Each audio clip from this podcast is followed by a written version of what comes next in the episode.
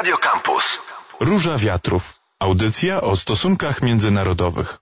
Przy mikrofonie Marcin Uniewski, a moim i waszym gościem w Radio Campus jest pan Mariusz Cielma, Nowa Technika Wojskowa, Dziennik Zbrojny. Witam serdecznie panie Mariuszu. Witam, dzień dobry państwu. Po długich miesiącach czekania węgierski parlament wreszcie dał zielone światło dla akcesji Szwecji do NATO i tym samym kraj ten stanie się już wkrótce po przesłaniu mm, dokumentów odpowiednich 32 państwem członkowskim sojuszu. To jest koniec drogi, która zaczęła się w 2022 roku, kiedy Szwecja i Finlandia w związku z rosyjską agresją na Ukrainę powiedziały, że po latach neutralności w końcu chcą do sojuszu przystąpić. To powiedzmy na początek, panie Mariuszu, no bo internet zalewają memy, że teraz teraz Bałtyk będzie wewnętrznym morzem NATO albo nawet jeziorem NATO. Czy to faktycznie po akcesji Sztokholmu tak się stanie, no czy jednak nie można tak bagatelizować Rosji, która no ma obwód kaliningradzki, tak chociażby, który z Bałtykiem, no, no ma dostęp do Bałtyku chociażby tutaj. No czy to akcesja Sztokholmu tak zmienia sytuację na Bałtyku faktycznie? Wydaje mi się, że już nawet od kilku lat spokojnie mogliśmy brać w naszych różnych analizach e, E, jaką, jaką rolę przyjęłaby Szwecja w ewentualnym takim konflikcie, w konflikcie zbrojnym. Oczywiście to było państwo i dalej, no jeszcze formalnie jest mhm. E, neutralne poza Sojuszem Północnoatlantyckim, ale tak naprawdę, ale kwestia wielorakich ćwiczeń, a nawet i tego, co widzimy, jak Szwecja wspiera Ukrainę, to między innymi czołgi Leopard 2, ciężkie bojowe wozy piechoty, chałubice samobieżne Archer, więc jednoznacznie e, Szwecja i tak deklarowała się po tej stronie stronie zachodniej, więc, e, więc myślę, że teraz to jest taka nawet kwestia, sami szwedzcy wojskowi, czytałem taki wywiad e, akurat dowódcy marynarki wojennej, kobiety, co, co, co ciekawe, która mówiła, że oni są w stanie do NATO wejść w zasadzie z dnia na dzień, ponieważ procedury szkoleniowe, przygotowanie e, jest no w zasadzie już w standardzie NATO, dużo ćwiczeń wspólnych się, e, się odbywa. No jest to kwestia po prostu wprowadzenia odpowiednich na przykład e, kryptologicznych spraw, czyli tak, żeby ta łączność współpracowała, kwestia systemów swój obcy, czyli mówiąc krótko, żeby, żeby system na przykład obrony powietrznej NATO rozpoznawał samoloty szwedzkie jako, jako, jako maszyny, maszyny własne.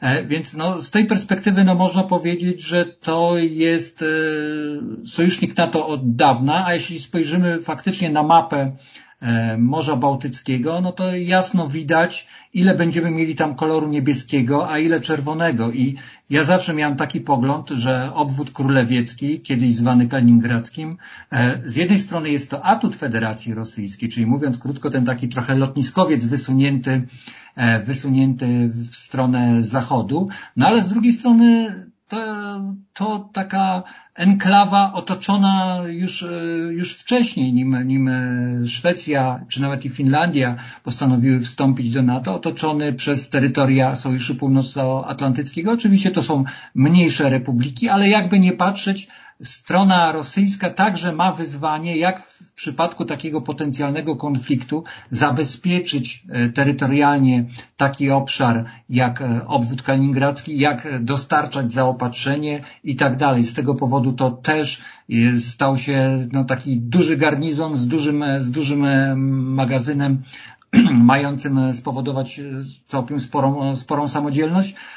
No ale z punktu widzenia oczywiście e, samego NATO, wejście do, do Szwecji, e, do, do sojuszu, no dużo nam tutaj porządkuje spraw. Już możemy w sposób formalny współpracować zarówno ze Szwecją, jak i od roku z Finlandią. W przypadku basenu Morza, Czarn Morza Bałtyckiego, przepraszam, no kluczowa jest wyspa na przykład Gotlandia. No wiele scenariuszy zakładało, że jeżeli Rosja chciałaby faktycznie panować na akwenie Morza Bałtyckiego. E, jednym z jej pierwszych celów takich terytorialnych będzie e, będzie wyspa Gotlandia, duża wyspa, no powiedzmy na, na środku, e, na środku Morza Bałtyckiego, która na przykład zasilona zestawami rakietowymi obrony powietrznej, przeciwokrętowymi, byłaby takim troszeczkę, no taką twierdzą, która mogłaby sporo zamieszania spowodować. Z tego powodu też Szwecja, tak jak mówiłem, miała świadomość tego, po której stronie jest i tak jak jeszcze kilka lat temu, przed 2014 rokiem,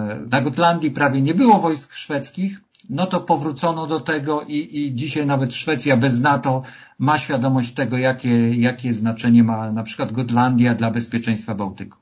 Co panie Mariuszu w takim razie reprezentuje sobą e, szwedzka armia? No bo według Global Firepower Index, czyli takiego indeksu mierzącego siły poszczególnych państw, no szwedzkie wojsko plasuje, plasuje się na 29 miejscu na 145. Polska dla porównania jest na miejscu 21. No liczebnościowo szwedzkie siły lądowe raczej skromne. No to jest niecałe 15 tysięcy żołnierzy plus ponad 20 tysięcy wojsk obrony terytorialnej, no ale to są liczby. Jakie są mocne strony? To jest moje pytanie do pana szwedzkiej armii. Czym Szwedzi wesprą NATO w ćwiczeniach, no a w przypadku też um, oczywiście konfliktu, czym mogliby wesprzeć y, NATO już po tym, jak zostaną, zostaną członkiem sojuszu?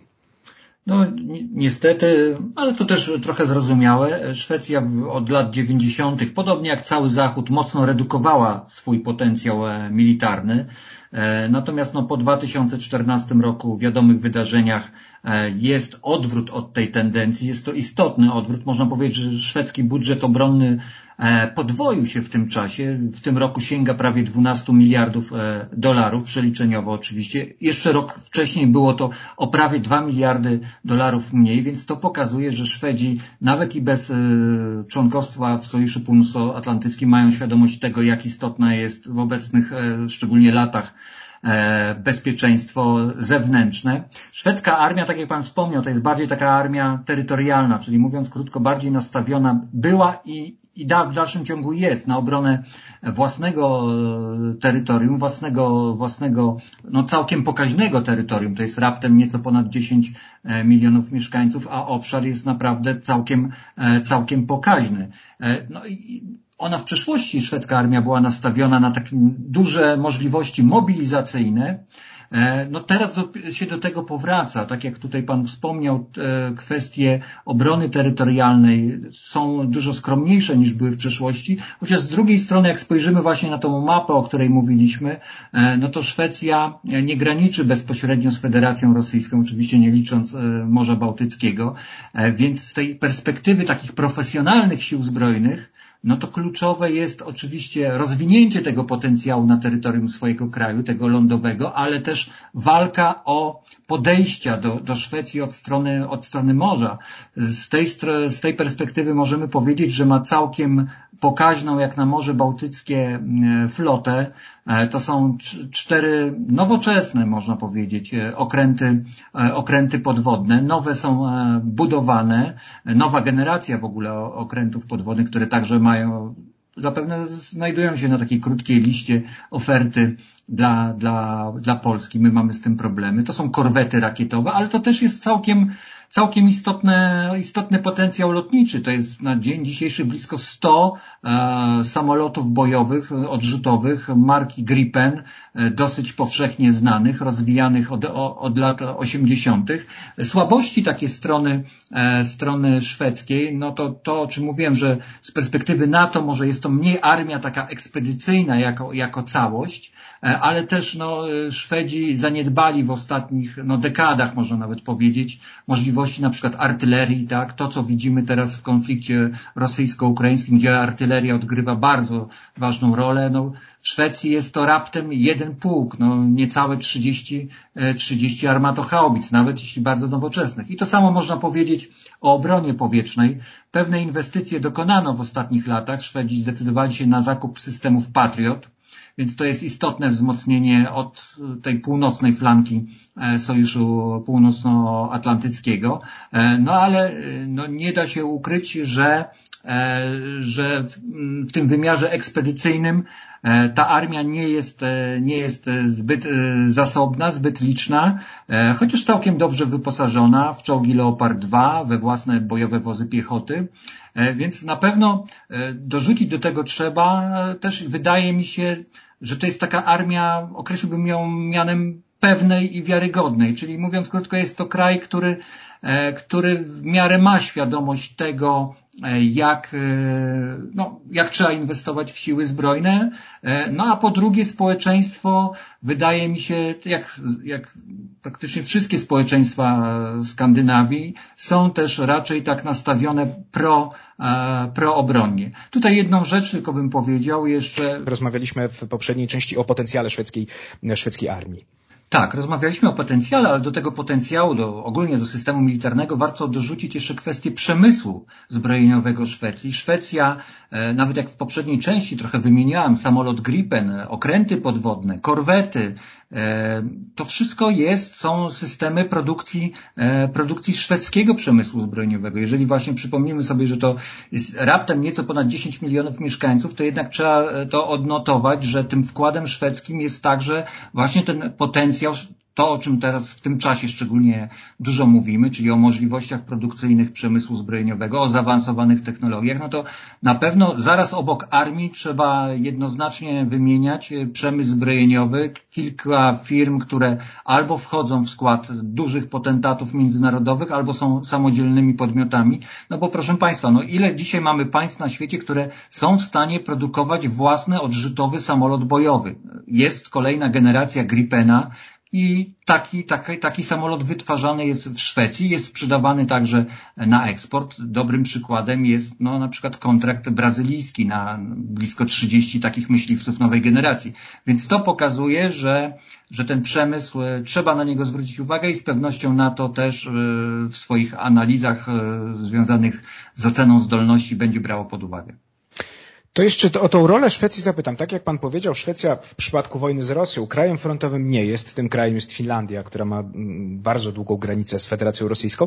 Natomiast w przypadku wojny z Rosją, proszę powiedzieć, Szwecja rozumiem, odgrywałaby rolę pewnego, na to zwraca uwagę Ośrodek Studiów Wschodnich, że takiego zaplecza przyfrontowego, tak, które mogłoby, e, nie wiem, na samoloty sojuszu chociażby wykorzystywać, tak, czy obrona przeciwrakietowa, o której pan, e, pan wspominał. Jaka tutaj byłaby rola Szwecji w przypadku, w przypadku konfliktu z Rosją?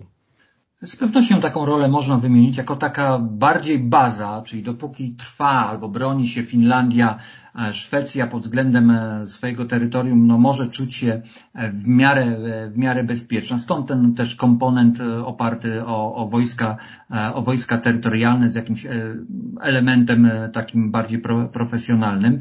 Samoloty NATO już wykorzystywały przestrzeń powietrzną Szwecji, czy to w ramach ćwiczeń, a nawet zdarzały się loty maszyn, maszyn rozpoznawczych. Może nasi słuchacze nie, nie słyszeli o tym, ale nawet przestrzeń Polski, czyli naszego kraju pod 2022 roku jest e, niekiedy wykorzystywana przez szwedzkie samoloty rozpoznawcze. To, to trochę nam chyba pokazuje, mhm. E, na, na jakim etapie e, jest Szwecja w takim praktycznym udziale w różnych działaniach w ramach sojuszu, nawet nie będąc, nie będąc tym członkiem. Oczywiście Szwecja jest kluczowa pod względem tego zabezpieczenia logistycznego baz, ale też i portów. E, dużo e, pojawiało się w przeszłości e, materiałów związanych z tym, jak zabezpieczyć te małe republiki nadbałtyckie, Litwa, Łotwa, Estonia.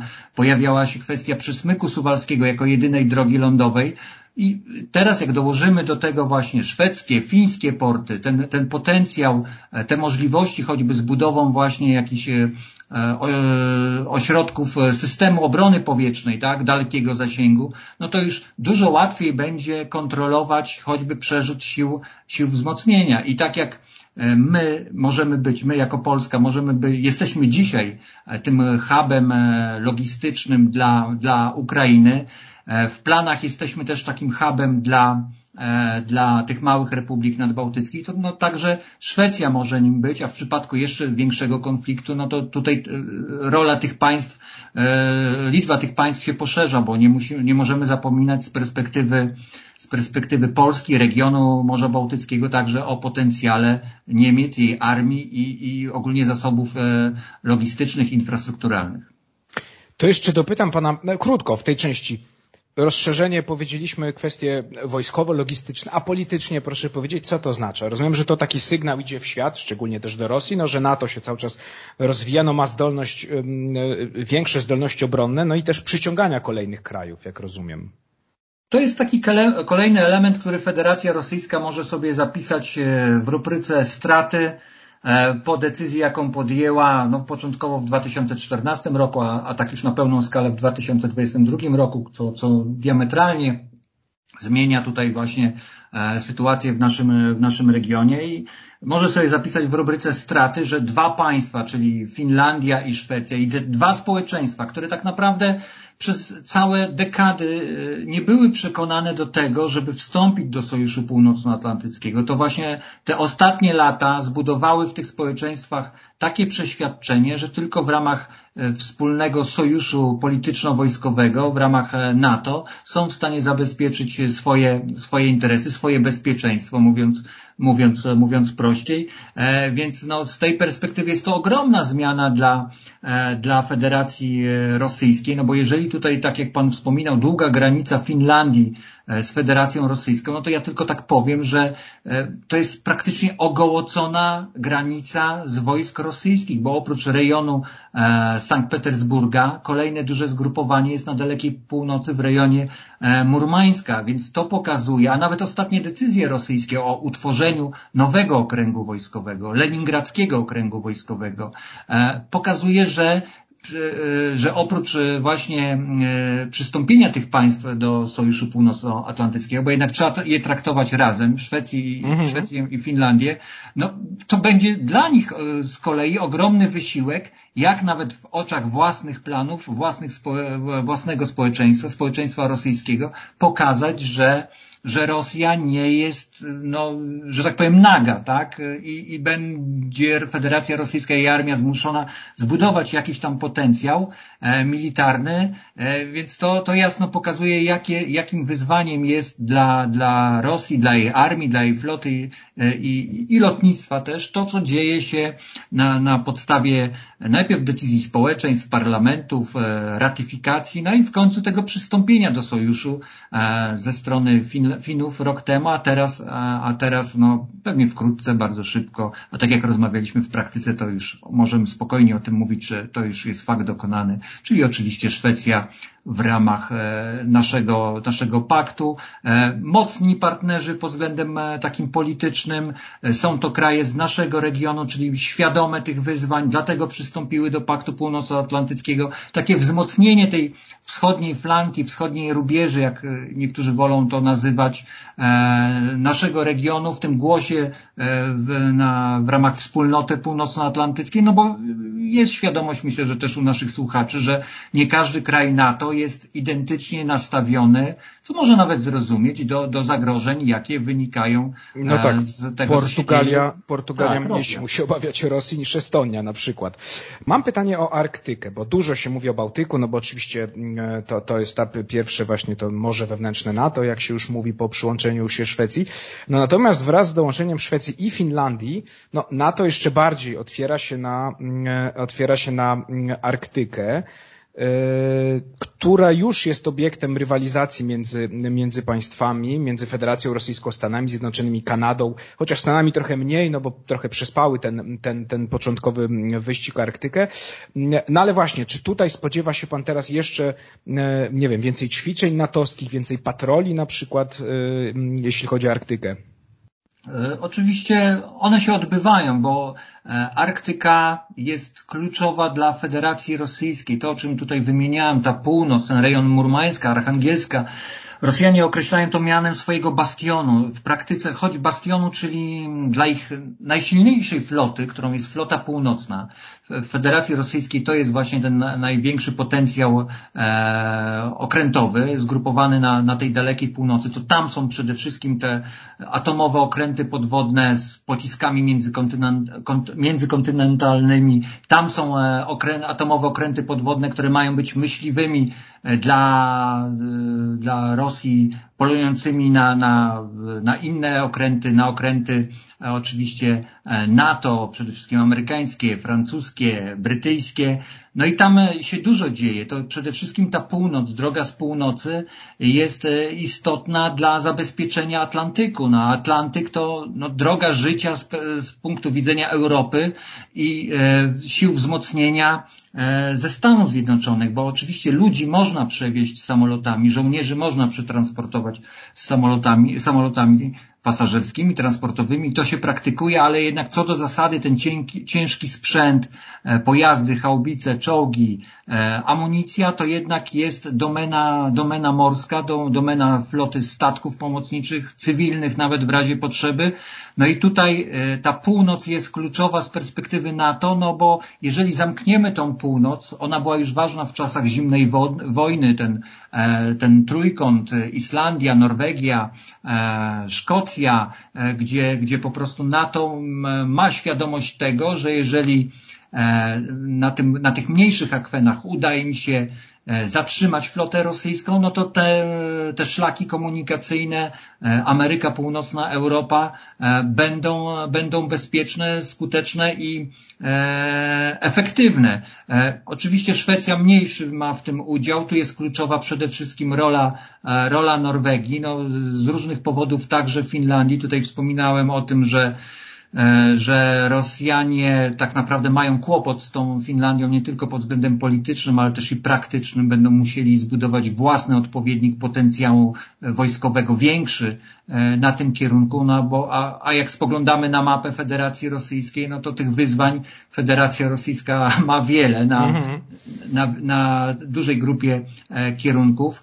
E, no, e, raczej z perspektywy Zachodu mało, e, mało, że tak powiem, przydatna może być ta północna droga morska. No, wielu wskazuje na to, że te szlaki komunikacyjne z Chin, które biegną przez Bliski Wschód, teoretycznie bezpieczniej można by było zrealizować północną drogą e, wzdłuż wybrzeży Rosji, no ale tu już wiadomo, myślę, że Zachód e, nie pójdzie tą drogą, bo wtedy w dużej mierze uzależniłby się od E, od Federacji Rosyjskiej, która by zarządzała tym, e, tymi szlakami, choćby na, na zasadzie lodołamaczy, jakichś kwestii nawigacyjnych i tak dalej, więc, e, więc tutaj jeżeli możemy mówić o tej Arktyce, to, to nie tylko są te kwestie militarne, tu jest ta potencjalna jakaś droga, szlak komunikacyjny, dla, dla cywilnej floty, ale tak jak mówię, no raczej z powodów politycznych na tym etapie e, mało prawdopodobny, natomiast no, nie da się ukryć. E, zarówno e, sojusz, ale poszczególni członkowie sojuszu, bo wiele państw chce to rozgrywać na własnym narodowym poziomie, bo ma świadomość tego, że że więcej może, że tak powiem, dla swojego kraju uzyskać, jeżeli będzie w dużej mierze tylko wykorzystywać NATO, a, a, a bardziej funkcjonować pod własną flagą. No i Federacja Rosyjska, która no nie da się ukryć, otacza tą Arktykę no, na, dużej, na, na dużej części. Kiedyś się mówiło, pamiętam jeszcze na moich studiach, że no Arktyka zaczyna e, topnieć, no więc się odkryje właśnie szybsza trasa handlowa, no ale sytuacja się, tak jak Pan mówi, oczywiście tak zmieniła, że, no, że teraz e, na razie taka opcja przez Federację Rosyjską oczywiście odpada. E, Mariusz Cielma, Nowa Technika Wojskowa, Dziennik Zbrojny był moim i Waszym gościem. Panie Mariuszu, bardzo dziękuję za rozmowę. Ja również dziękuję, miłego dnia życzę. To była Róża Wiatrów, ja się nazywam Marcin Muniewski, a my się słyszymy w środę za tydzień. Radio Campus.